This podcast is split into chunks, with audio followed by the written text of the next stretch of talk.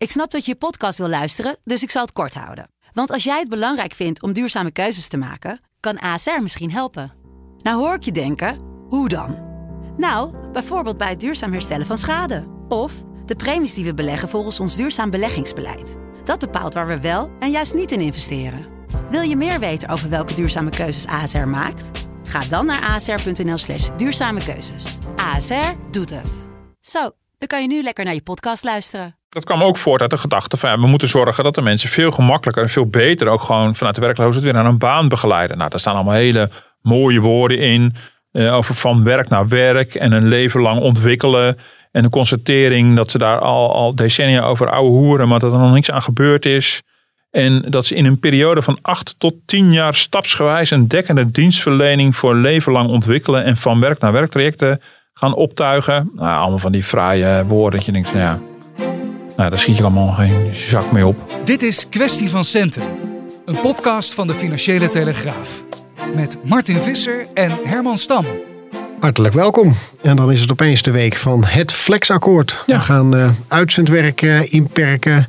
Iets uh, strengere regels voor uh, de ZZP'ers. En ook nog het minimumloon uh, moet wat omhoog. Dus, ja, het voelt heel erg jaren 70, jaren 80. Om dan enorme kolommen in de krant weer aan de SER te besteden. Ja. ja. dat bestond ook nog, de SER. Terwijl ondertussen de SER-voorzitter hartstikke druk is om nog tot een formatie te komen. Maar ja. dit kwam er ook opeens even zo tussendoor. Daar gaan we het vandaag over hebben. Want er zitten nogal wat haken en ogen aan.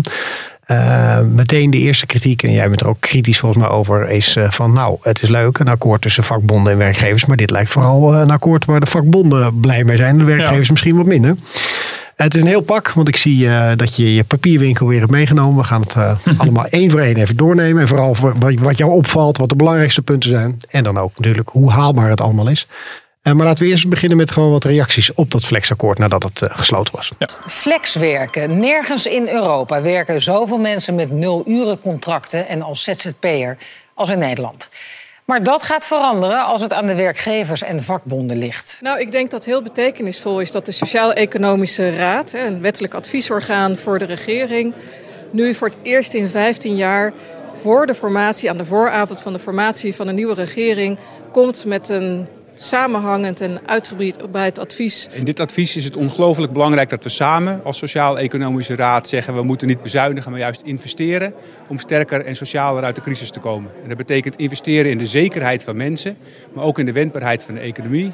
in een goede publieke sector, zodat we ook de samenleving weer kunnen herstellen. Ja, je hoorde Ture Elsinga van de FNV, ja. de nieuwe voorzitter. En Ingrid Thijssen van de NSW. Ja, ja, en die zijn allebei hartstikke gelukkig. Ja, dus, ja, Martin, het is hun eigen akkoord, dus dat uh, mag ik hopen. Niks aan maar hoe, dat, weet je, bij dit soort dingen. De, de, de server lacht al een beetje om van, oh ja, die hebben we ook nog. Uh, maar dit moet je wel heel serieus nemen. Het zijn grote partijen. Maar Zeker. voelt Nederland zich wel hier genoeg in gekend? Zegt Nou. de bakker op de hoek van, nou, hartstikke leuk dat ze dit Nou ja, hebben dat gedaan. waagt dus een beetje te, te twijfelen. Ik bedoel, het is heel dubbel. Ik denk dat, dat, dat in dat opzicht is deze podcast misschien zal sowieso heel dubbel zijn. Bedoel, aan de ene kant heb je zoiets van, nou, dat, weet je, dat, is ook, dat komt ook een beetje ouderwets over. En is het nog wel van deze tijd. Tegelijkertijd zie ik ook alweer het belang ervan in. Dus ik denk dat ik vaker de antwoorden ga geven die wat dubbelzinnig zijn in dat opzicht. Ik hoop dat ik het dan ook goed genoeg uitleg. Ja. Want het is natuurlijk waar dat, ehm, dat het wel weer bijzonder is dat de, dat de werkgevers en hun vakbonden samen met de onafhankelijke kroonleden erin geslaagd zijn om überhaupt tot zijn advies te komen. Het is officieel een middellange termijn advies. Nou, wij schrijven nog op een, een arbeidsmarktakkoord, maar officieel is het een middellange termijn advies. Dat is heel veel jaren niet gelukt. Nou, overigens is in, in al die jaren in de share is natuurlijk wel van alles nog wat gepolderd en uitonderhandeld. Hè. Er was ook een, dezelfde dag een landbouwadvies. En er zijn allerlei adviezen in coronatijd. eh, Het regent adviezen. Dus eh, als Mariette Hamer eh, haar verdiensten straks afmeet aan het aantal stukken dat, dat, dat geproduceerd is. Dan zal ze zichzelf een 9 geven, denk ik. Maar is het juist ook niet erg dat je te veel adviezen geeft? Dan, eh, mijn Nou idee ja. is dan ook van, nou, dan komen er zoveel adviezen, Ja. dan luister je maar Nou, naar de ik helft. zie ook wel dat, dat zij, Mariette Hamer, ook wel een poging doet om nieuwe partijen erbij te betrekken. Maar dit is wel echt een klassieke, een klassiek advies. Waarbij, eh, eh, waarbij ja, ZZP'ers natuurlijk niet aan tafel zitten. Ik bedoel, dat zal ogen- ogenblikkelijk worden gezegd, ja, maar ze zijn wel gehoord en dergelijke. Maar ja, het is natuurlijk echt wel, en dat voelt een beetje in de jaren 70, jaren 80. eh, misschien ook wel daarna. Maar het is echt gewoon wel de, de klassieke VNO en MKB samen. En dan de FNV en CNV en de VCP samen. Die hier de diensten uitmaken. Ja, over een arbeidsmarkt die, die radicaal eh, veranderd is. En waar ook andere belangen inmiddels een rol spelen. En dat, ja, Dus ik vraag me, ik, ik, ja, ik was gisteren heel, gisteren heel druk uh, hiermee. Aan de ene kant zie ik het belang ervan in. En tegelijkertijd kan ik me voorstellen dat heel veel mensen denken van... jee, wat staat dit ver van mijn bed. Maar we weten, het is wel belangrijk... we weten dat het heel invloedrijk is. Dat het kabinet nog steeds geneigd is om hiernaar te luisteren. Het, het, nieuwe kabinet, wat nog, nog, nauwelijks, nog niet eens in de stijger staat... maar uh, omdat altijd wordt gezegd bij onderwerpen als, als, als dit, zoals de arbeidsmarkt, is dat draagvlak in de polder heel belangrijk. Maar het voelt, ik vind het af en toe wel steeds meer gaan knellen. Ja je denkt van ja, wie, wie vertegenwoordigen die, met name die vakbonden dan nog? Ja, en zeg je dan ook eigenlijk, nou misschien niet bewust, maar dat ze wel denken van nou, het is ook wel uh, eigenlijk wel handiger als niet echt een, het is moeilijk om de ZZP-vertegenwoordiger te zoeken, maar om dat soort mensen aan tafel te hebben, want dan krijg je misschien nog wel meer debat en kom je helemaal nooit tot een advies. Nee, dat is ook wel, dat is ook wel, dus dit is historisch ook zo gegroeid. En dat begrijp ik ook wel. En dit zijn ook in die zin stabiele partners. Um, die weten wat ze aan elkaar hebben. Ze kennen elkaar al heel lang. Dus niet alleen de personen, maar ook de organisaties. Dus dat, dat begrijp ik ook wel dat dat zo werkt. En je kan ineens wel zeggen, ja, je hebt, je hebt drie, vier verschillende ZZP-organisaties. We zetten die er ook gewoon even bij. Um, ja, dan vraag je natuurlijk ook af wie vertegenwoordigt die dan weer precies. Mhm. Dus dat, dat als, je, als je daar aan gaat beginnen, wordt het wel ingewikkeld. Um, uh, ja, en, en los daarvan vraag je natuurlijk wel een beetje af, wat, wat moet de rol van de polder precies zijn in die nieuwe bestuurscultuur, hè, waar uh, iedereen daarna zo'n mond van vol had, heeft. Mm uh, in ieder geval ja, voor mij eh, is dat nog steeds de bedoeling. Een nieuwe bestuurscultuur, minder achterkamertjes. Ja. hoe ga je dan om met polderakkoorden zoals deze, waarin ook wordt gezegd, ja, beste politici, je mag er niet in shoppen. Wat overigens een godspe is. Want dit is gebaseerd op het advies, daar komt weer van de commissie Borstlab. Mhm. Eh, en de commissie Borstlab zei ook van dit is een samenhangend advies, daar mag je niet in shoppen. En vervolgens gaat de polder in shoppen en die zegt dan weer tegen de politiek, je mag je niet in shoppen. En wat gaat de politiek straks doen? Shoppen. Shoppen. Ja, ja, ja. ja, ja. En terecht. Want uiteindelijk zijn maar dat hangt ook af van welke coalitie het wordt. Ja, natuurlijk. Maar, natuurlijk, maar eh, er wordt sowieso geshopt. En dat is ook terecht. Want die politici hebben we verkozen. Mhm. en, uh, en, en die voorzitters zijn ook verkozen, maar dan door hun vereniging. Maar die mhm. politici zijn verkozen door de Nederlandse uh, kiezers. Dus die hebben daar een democratisch mandaat. En die hebben net allemaal verkiezingsprogramma's afgescheiden. Ja, moeten ze daar een afscheid van gaan nemen of iets dergelijks? Maar goed, mhm. dus het is belangrijk. En tegelijkertijd zie ik het ook wel wringen. Wat moet je hiermee? En dan, dan wil het het wonderlijke toeval dat een uitgerekend de voorzitter van de SER nu ook informateur is. Ja. Dus je krijgt dan straks de, de, de situatie, dat, nou, de informateur heeft ook al een hele stoet aan belanghebbende partijen uh, langs laten komen. Waaronder de VNO en, en FNV ook. En dan gaat ze straks met die mensen praten over het akkoord waar ze zelf nou, die ze de finale fase niet meer onderhandeld heeft. Want heeft ze overgedragen aan een van de kroonleden. Maar waar ze zelf natuurlijk wel de baas van is. En dan, goed, ik weet niet. Ik bedoel, het is toch, het is toch wel toch wel heel raar dat uitgerekend nu, in de poging dat de politiek een soort wending wil gaan maken in hoe gaan we om met het primaat van de politiek, van de volksvertegenwoordigers, dat dit dan nu zo gebeurt en dat de share plotseling toch zo'n hele centrale rol heeft gekregen. Ja, want zij even praktisch gezien zit aan die tafel dan en zegt ja, maar eigenlijk mag je hier niet uit shoppen. Nee, kijk, en dat kan ze ook weer niet zeggen. Kijk, het was ook niet zo dat zij dit presenteerde gisteren. Hè. Bedoel, bedoel, vanaf het moment dat, dat Mariette Hamer informateur is, uh, heeft ze ook de rol als, als, uh, het, uh, als leider van deze onderhandelingen natuurlijk uit handen gegeven aan een ander. Dus niet zo dat ze die rollen vermengt, denk ik. Maar goed, het is wel, ja, het is wel gewoon een van de petten die ze ook op heeft. En dat is, wel, dat is toch wel opvallend dat de good old er gewoon weer, dan weer terugkomt. Ja, oude, oude politiek misschien. even helemaal terug naar de basis. Hè? Wat mensen zich zullen afvragen van waarom is het überhaupt nodig? We horen wel verhalen hè, van Nederland is een flexland en we zijn goed in onze uitzendbranche. Maar hoe erg staan we er eigenlijk voor? Wat natuurlijk het belang hiervan is, van dit akkoord, is dat de, de draai die werkgevers met name gemaakt hebben in de afgelopen jaren, dat, dat die nu geformaliseerd is. Ik bedoel, in meerdere interviews eh, hebben mensen van VNO of van ABVN, dus aan VNO gelieerd, doet heel veel CO's, uh, eh, eh, sluiten af. Die geven op een gegeven moment ook, hebben ook wel aangegeven, ja, de flexibilisering van de arbeidsmarkt is doorgeslagen. Dit was niet de bedoeling. Er zijn inmiddels te veel mensen die in allerlei flexbanen werken die, die uh, eh, ZZP zijn, maar misschien helemaal niet echt ondernemers zijn. Mensen in nul contracten, oproepcontracten. Met als gevolg dat grote groepen op de arbeidsmarkt onwaarschijnlijk weinig, weinig zekerheden hebben. Gewoon baanzekerheden en financiële zekerheden. En dat is een onmenselijke situatie. Zeggen inmiddels ook de werkgevers. En dat is gemarkeerd met het akkoord. Hmm. En ehm, nou ja, inmiddels uh, hebben iets, nou, pak een beetje tussen de 30, 40 procent van de mensen, van de werkenden heeft geen vaste baan meer. En die hebben een vorm van uh, een flexcontract of een ZZP-contract. En in sommige sectoren is dat toch dat aandeel nog veel groter. Dat betekent ook dat, dat die mensen hebben weinig zekerheden. Uh, soms zullen ervoor kiezen en soms worden ze gedwongen. Dus dat is een discussie. Hoe hou je die uit elkaar? Mhm. Het holt ook het hele systeem van de cao's uit. Uh, waar, ja, dat is wel de manier waarop we in Nederland nog wel de arbeidsmarkt hebben georganiseerd. Dus je moet of die uitholling voorkomen of andere instrumenten gaan bedenken. Nou, je ziet dus als, de, als je de polder aan zet laat komen, dan, dan grijpen ze terug op die oude instrumenten. Um, want al die flexkrachten en dergelijke, die, die kunnen ze op een gegeven moment gaan onttrekken aan de CO's. Maar die onttrekken zich ook aan de sociale zekerheid. Allemaal niet gewenst. Ja. Onttrekken zich aan de pensioensystemen. Dus alles is in Nederland gebouwd op die vaste baan. Maar die vaste baan heeft niet meer die dominante positie die die ooit had. En dan moet je dus of accepteren dat de wereld is veranderd. Of je probeert de wereld weer terug te duwen. En dat is mhm. wat hier gebeurt. En denk deels overigens wel terecht. Ik, bedoel, uh, ik zeg misschien wat kritisch. Maar ik denk dat het ongewenst zit dat, dat mensen in, in relatief lage inkomens, in productiesectoren, zogenaamd ineens ondernemer zijn. Mhm. Of uh, oproepbaar en, uh, en als ze niet komen werken, dan zijn ze hun baantje kwijt. Um, dat, dat, dat moet je allemaal niet willen. Dus mm. allerlei verkapte werknemerschap is nu onder de mom van flexcontract of ZZP'er weggemoffeld. En uh, de werkgevers de lachende derde. Want flexibiliteit, daar zou je van moeten betalen, zeg maar. Ik bedoel, dat heb je natuurlijk ook, weet ik veel, als je een vliegticket koopt of, of, of, of wat dan ook. Of een, theaterkaartje of wat dan ook. En je hebt de, de mogelijkheid van annuleren.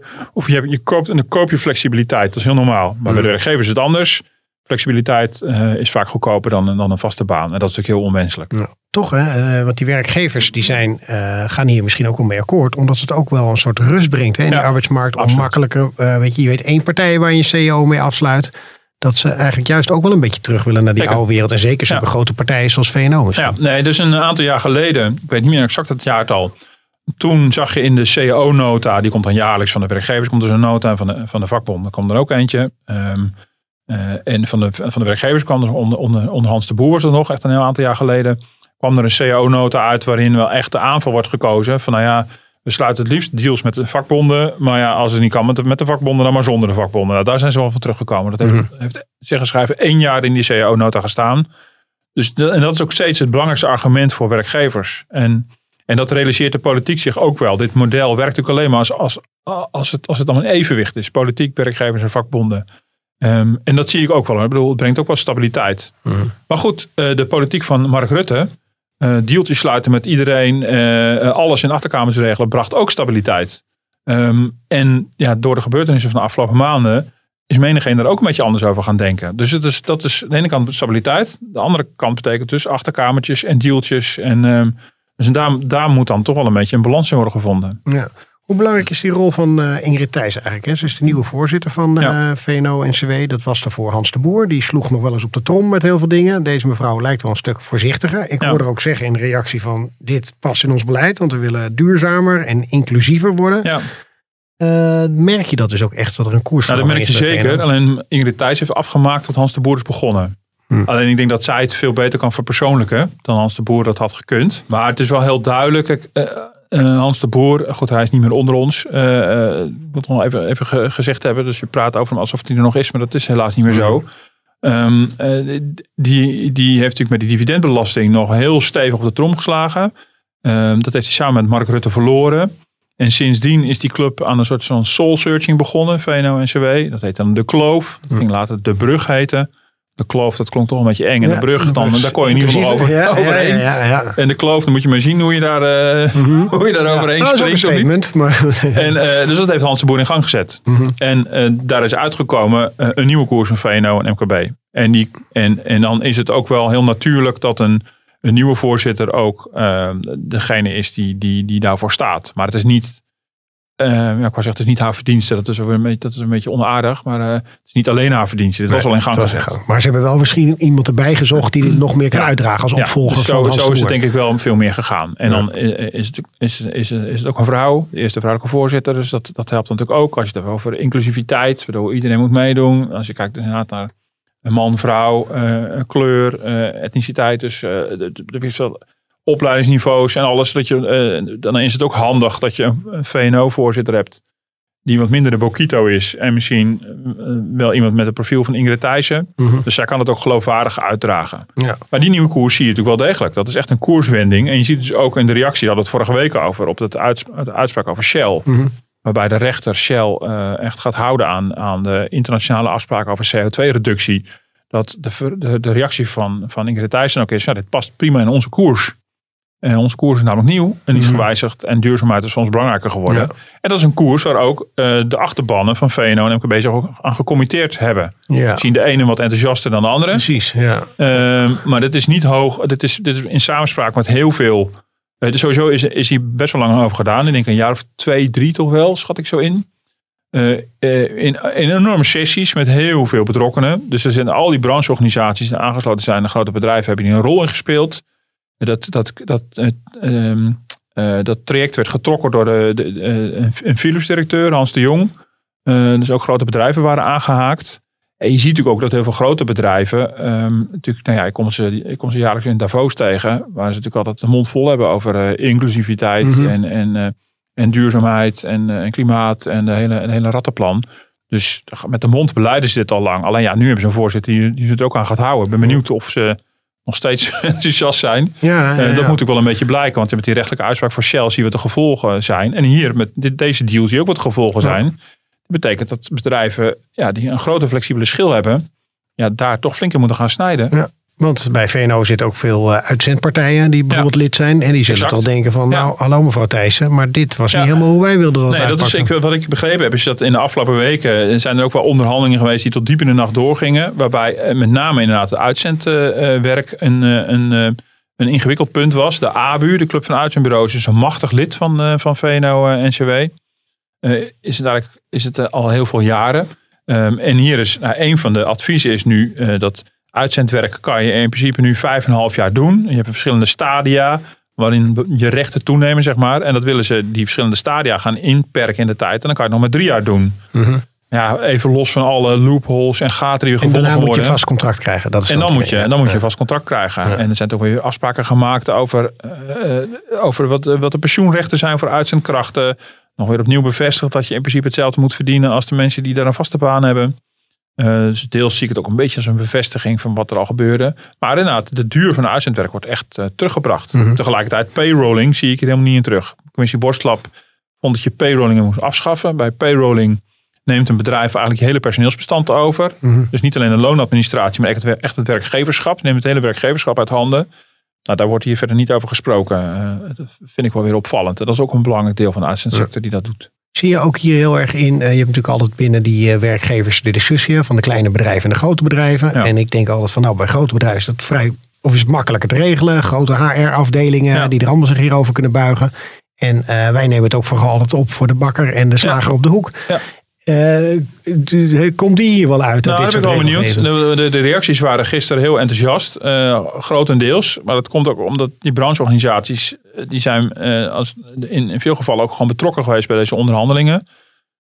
Bijvoorbeeld de metaalsector, metalen technologie. De FME was heel enthousiast. Van die, die zagen hier een voorstel wat heel erg op een deeltijd-WW lijkt. Maar bijvoorbeeld, een van de weinige dissonanten vanuit het eigen achterban was die van de beveiligingsbranche. Een van de beveiligingsbrancheclubs die lid is van MKB Nederland. En die, die, die waren echt eh, totaal verbijsterd. Die, die zeiden van ja, met name onze kleinere leden, onze, de kleinere bedrijven, werken met een enorme flexibele schil. Als je bijvoorbeeld beveiliging levert voor evenementen, ja, dan kun je die mensen niet het hele jaar in dienst houden. Dus we, nou, in, in de evenementenbranche heb je beveiligingsbedrijven die met 90% flex werken. En ehm, dus die, die waren totaal verbijsterd hierdoor. Want ja, bijvoorbeeld oproepkracht, nul uren contracten wordt allemaal afgeschaft. Ehm, er komen er strengere regels over eh, wanneer je eh, iemand eh, die flexibel eh, een flexkracht, wanneer die in dienst moet gaan nemen. Die regels nog één tandje strenger als het aan de polder ligt. Dus nee, zeker. Dus, en dat, dat in onze krant zei de, de hoofdonderhandelaar van de share zei ook. Er zullen sommige bedrijven zijn die hun businessmodel echt moeten omgooien Mhm. na dit. Dus eh, daar gaan we natuurlijk wel de komende tijd naar op zoek. Waar zit nou de, de pijn? Ja. Ehm, en die gaat natuurlijk zeker zitten. En een kleinere bedrijf is het natuurlijk veel ingewikkelder. Ja. Eh, maar goed, daar hoef je pas naar op zoek als inderdaad op een gegeven moment het kabinet zegt van zo Ja. gaan we dat doen. Ja, nou ja, we kunnen daarvoor ook op zoek van eh, hoe, hoe gesloten is dat front eigenlijk. Want meestal is het werkgeversfront behoorlijk gesloten. Ehm, die zijn, dat is wat werkt wat anders dan een vakbond. Want dat is meestal een kruiwagen met kikkers. Ja. En ehm ja, nog een beetje kijken naar de PvdA. Nou, zo, zo werkt de vakbond ongeveer. Ik bedoel, Mhm. eh, eh, het, het begint allemaal te kakelen. Ehm, en eh, en zo'n werkgeversclub, dat is meer een soort VVD, een gesloten front. En dan is er heel veel aan de hand en iedereen ontkent het. Dat Mhm. is een beetje hoe het gaat. Een bepaalde mentaliteit is dat. En, nou, heb je natuurlijk Hans Biesheuvel, die bij ons ook columnist ja, is. maar die, is dus ook van, die is dus ook van, van, de, van de concurrenten. Die is Mhm. ook verbannen. Ja. En die was natuurlijk ooit MKB Nederland voorzitter. En, ja, en ja, daar willen ze natuurlijk het liefst zo min mogelijk mee te maken hebben. Maar dat is inderdaad, die is een eigen kleine eh, werkgeversorganisatie begonnen. Vooral voor het midden- en kleinbedrijf. En inderdaad, die, die, eh, die heeft ook een eigen akkoord gesloten. ehm, waar wel zelfstandigen bij betrokken waren. Samen met de AVV, Alternatief voor Vakbond. Mhm. Ook een heel nieuw soort van vakbond. Waar je niet per se met leden werkt. Maar waarbij eh, CAO-afspraken worden gemaakt. Die vervolgens in enquêtes ehm, worden ge- gepeild bij, bij, bij het personeel. Is een heel ander model. De oude club ooit van Meili Vos, hè, van Ja, de er net Die- weg. ja, die ja. was er weer naar teruggekeerd. Is er nu net weg, las ik. Ehm, En eh, Martin Piekaert zit daar. Ja, en dat zijn, dat weet je, dat ONL van Hans Biesheuvel, van de AVV, van, eh van Meili Vos. Nou, dat, eh, daar moeten ze niets van hebben bij de Nee. polder. Maar wat doen die dan anders? Eh, Hebben die eh, juist een heel erg eh, modernere kijk om, om Ja, die, het- kijk, eh, de AVV heeft dan echt een andere kijk op hoe je die CO's afsluit. En dus ook wel, ik begrijp ook wel weer het commentaar van de vakbond hoor. Ik bedoel, ik begrijp van de, basis daar is, is leden. En nou, dat, dat neemt dan af. Eh, maar ik begrijp het op zichzelf wel. Dat je zegt, ja, maar ik ben een ledenorganisatie. Eh, dus dan is het ook wel moeilijk om die draai te maken. Want de AVV zegt van nee, eh, moeten- als we een CO afsluiten, moeten steun hebben van, van een, een meerderheid van het personeel. Hoor. Niet een meerderheid van de leden. Nou, er zit wel iets in.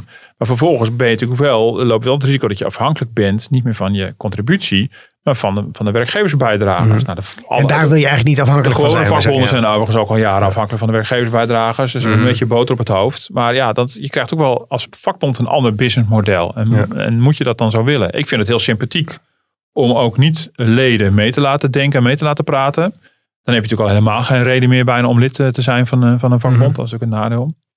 En, eh, ja, en waar zij dus inderdaad in hun, hun eigen akkoord eh, voor gekozen hebben, is om, om een van de ZZP-organisaties mee te laten doen. Dus dan krijg je ook een andere kijk op ZZP-schap. Ja, ja, en die bonden zeggen eigenlijk van je moet maar gewoon lid worden, want dan kan je meepraten. Ja, En, de eh, FNV zegt ja, maar we hebben een FNV zelfstandige. Daar zitten al ZZP'ers. En VNO zegt ja, we hebben ook een eh, ZZP-club. En MKB zegt we hebben ook een ZZP-club. Dus, Mhm. dat is een ZZP, dus heb je ook ZZP-afdelingen, zowel bij de vakbonden als bij de werkgevers. Dat tekent al hun wat wonderlijke positie. Want ja, zijn ze nou werknemer of zijn ze nou werkgever? Ja.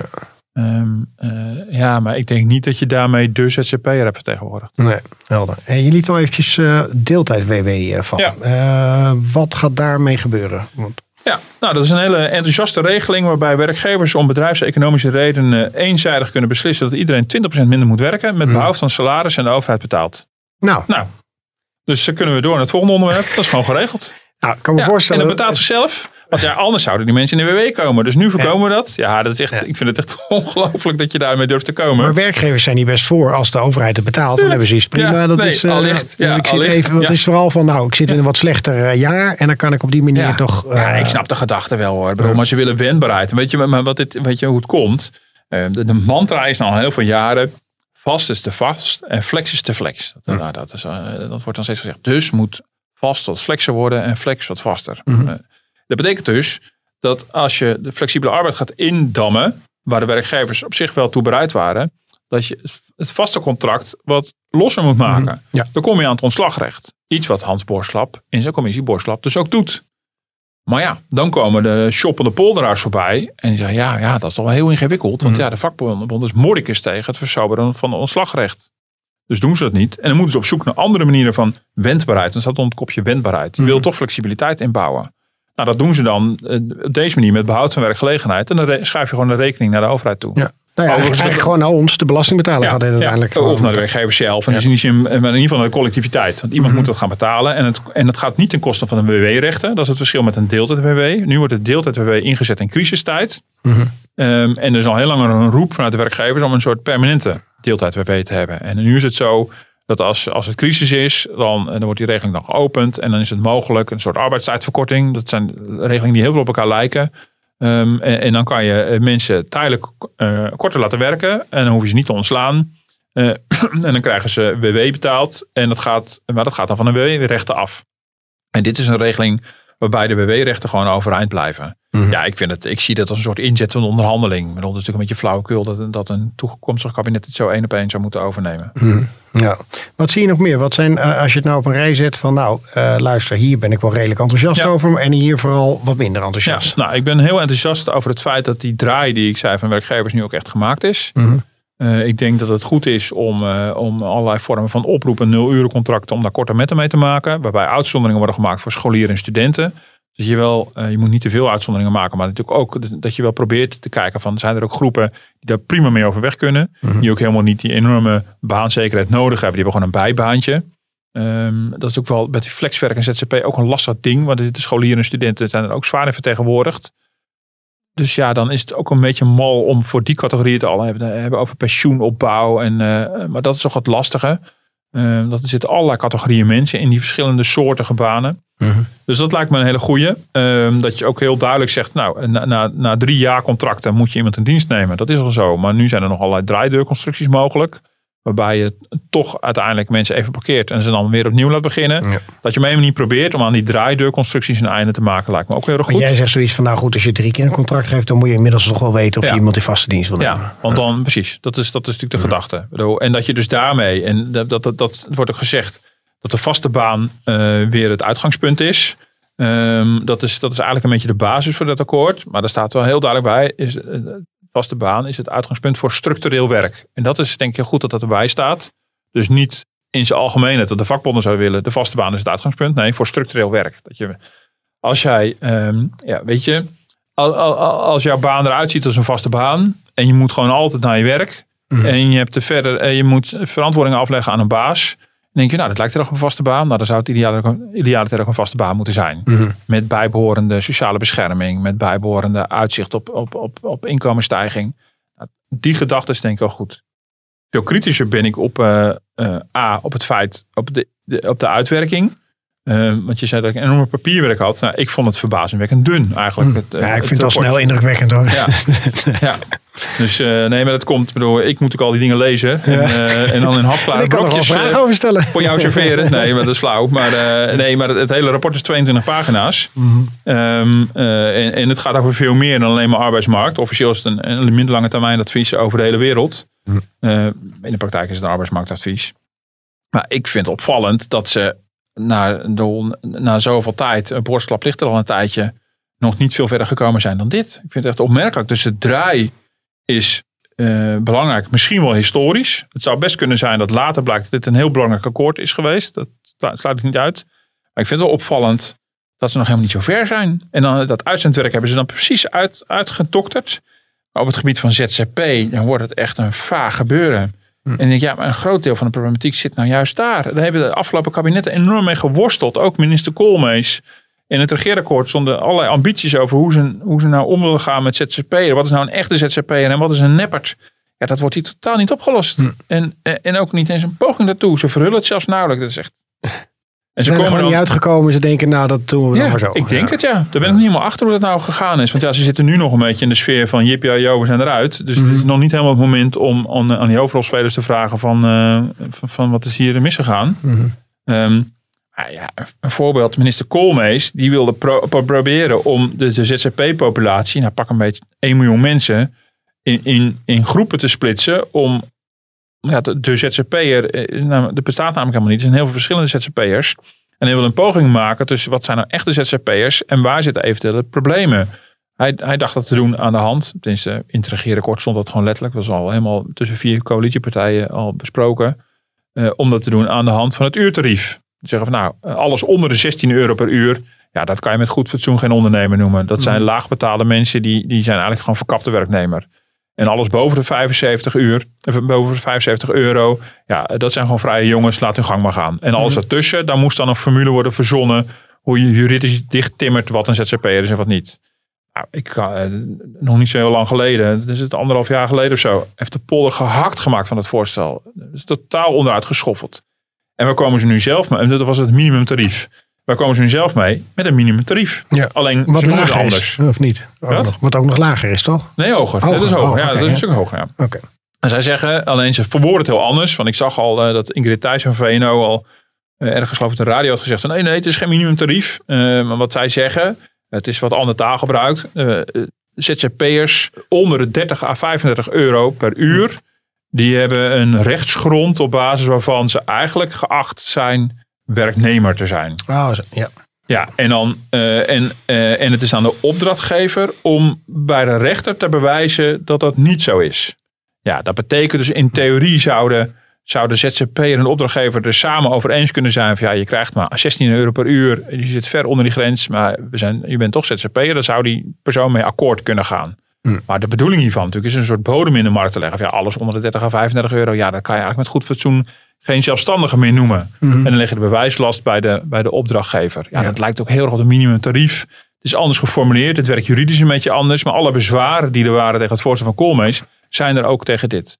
En een ander ding wat opvalt is... Maar, het lijkt me trouwens ook heel erg lastig. Want je moet als ZZP'er, stel dat je niet uitkomt. Dan, ja, uh, ja oké, de bewijslast ligt dan wel bij de opdrachtgever. Maar je krijgt wel een soort conflict met degene... Ja, ik vroeg me ook af, hoe, hoe stel je dat dan praktisch voor? Ik bedoel, dan wil je gaan fietsen voor Deliveroo. En Deliveroo zegt, uh, je krijgt een tientje per uur. En dan zeg je, oké, nou dan neem ik dus aan dat ik werknemer ben. Dan zegt Deliveroo, nou, nee, dat denk ik niet. Ik denk dat je ZZP'er bent. Nee, maar ik denk echt dat ik werknemer ben. En dan zeg je, nou ja, dan zoek je wat anders. Ja, maar ik ben toch werknemer. Je bent nog helemaal niet in dienst getreden. Dus moet je dan tegen Deliveroo gaan zeggen, ja, maar uh, ga maar naar de rechter. Ja, maar waarom zou ik naar de rechter gaan? Maar je bent nog niet eens in dienst. Ik bedoel, we hebben nog helemaal geen arbeidsrelatie. Ik bedoel, ja. ja. als je eenmaal die arbeidsrelatie hebt, maar dan ben je al aangegaan. Dus ik, goed, dat is dan uitwerking. Uitwerking ja, dat is wel veel vrij belangrijk, toch? Dus het is vrij cruciaal. Nou ja, het is in die zin, maak me er een beetje boos over. Dan vind ik me erover op. Omdat het probleem de afgelopen jaren was, hoe, hoe halen we uit elkaar wat een ZZP'er is en wie niet? Mhm. En dat probleem wordt hier totaal niet opgelost. En dan denk je, ja. jemig zeg, heb je er zo lang over gedaan. Uh, En dan heb je dat nog niet eens opgelost. Bedoel, uh, nou, dus het kan een nieuw kabinet zelf oplossen. En dat probleem doet zich dus ook voor bij ZZP'ers als het gaat om de fiscaliteit. Borstlap zei, um, schaf de hele zelfstandige aftrek en alle fiscale bevoordeling van ZZP'ers maar af. Want dan krijg je een oneigenlijke concurrentie tussen een gewone werknemer en ZZP'er. Nou, dat is best wel een, best wel een stevig middel om dat uh, te doen.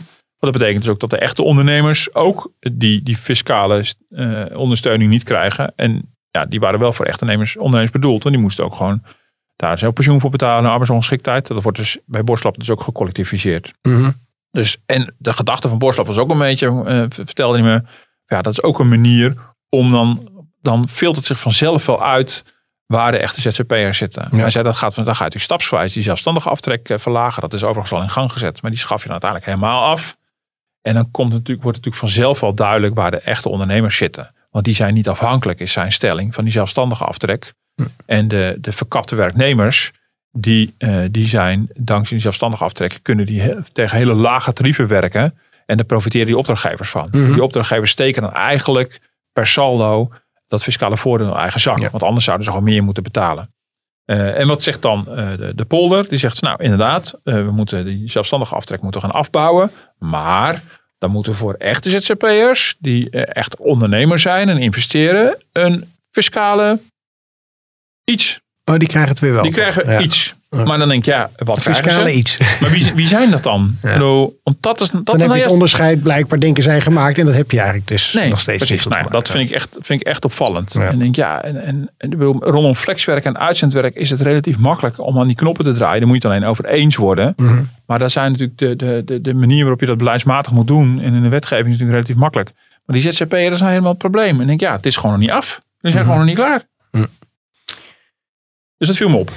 Uh, Wouter Koolmees gaat misschien ook wel een rol spelen, toch? In de formatie. Die heeft natuurlijk van alles hierover geroepen. Hoe is die ja. reactie nu uh, in de politiek? Ik denk dat hij nou, zelf er niet zoveel over nee, zegt nog natuurlijk. Nee, want, politiek is heel terughoudend. Ja. Dus, um, en, um, uh, nou ja, we hebben wel opgetekend dat de VVD zei van, nou prachtig dit akkoord. We hebben ook nog dat akkoord van Hans Biesheuvel. Dus wij hebben eigenlijk gewoon twee akkoorden. En, en daar dus, gaan we wel uit shoppen, waarschijnlijk. Dus dat was natuurlijk al bewust provocerend. Ja. Want ja, dit is gewoon echt een akkoord van echt de grote poldermastodonten. En dan heb je nog een akkoordje van, uh, van de mensen die, uh, die, die, die, dat grote polder willen bevechten. Mm -hmm. En, uh, en ja, en door de VVD, door dat zo, zo van quasi gelijkwaardig naast elkaar te zetten, ja, de, dagen is natuurlijk ook wel een beetje de polder uit.